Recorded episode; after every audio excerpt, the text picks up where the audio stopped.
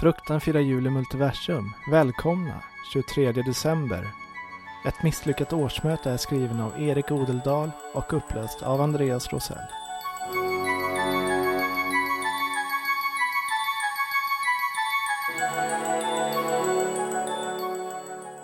Den gamla bartendern med det långa vita skägget öppnar makligt dörren från personalutrymmet och kliver in bakom bardisken.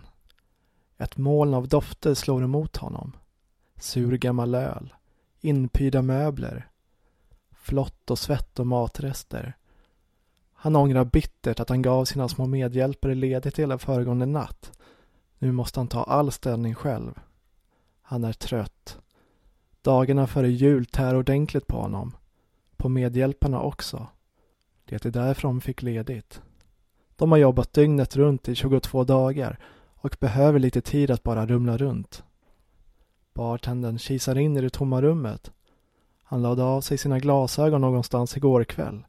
Troligtvis på bardisken. Det är inte så att han inte ser någonting alls utan dem. Men de senaste åren har synen verkligen gjort en djupdykning. Det är svårt att se detaljer.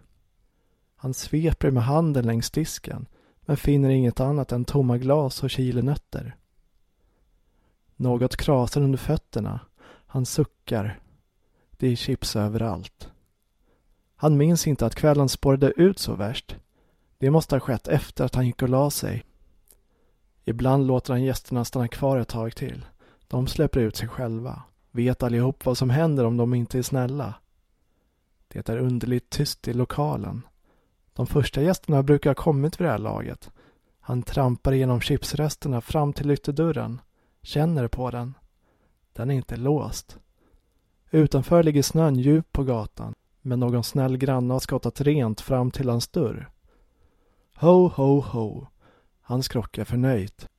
Det lönar sig ibland att vara den han är. Folk är i allmänhet mycket villiga att hjälpa till.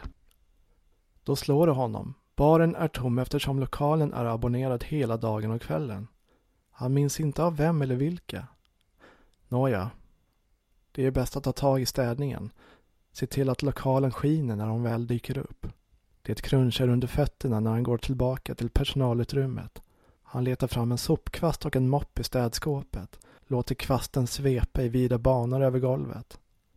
Någonstans i bakgrunden hör han det svaga ljudet av jamande katter. Underligt.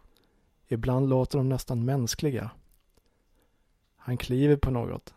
Känner hur det liksom poppar till under fotsulan. Lyfter foten och tittar. Den är täckt av något kladdigt och blått. Också underligt. De har inte haft blåbär i baren sedan i höstas. Hans blåbärsdrinkar var mycket populära. Till slut är golvet både sopat och svabbat.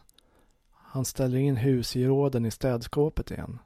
Ser sina glasögon ligga på en hylla där inne. Väldigt underligt. Han måste ha varit väldigt trött när han la sig igår. När han lyfter glasögonen trillar en papperslapp till golvet.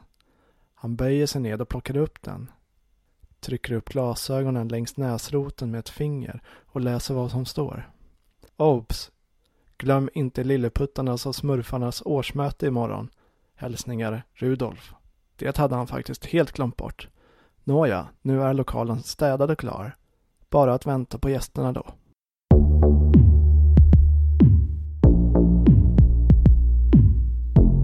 Du har precis lyssnat på Fruktans julkalender. Lyssna på fler noveller på fruktan.se.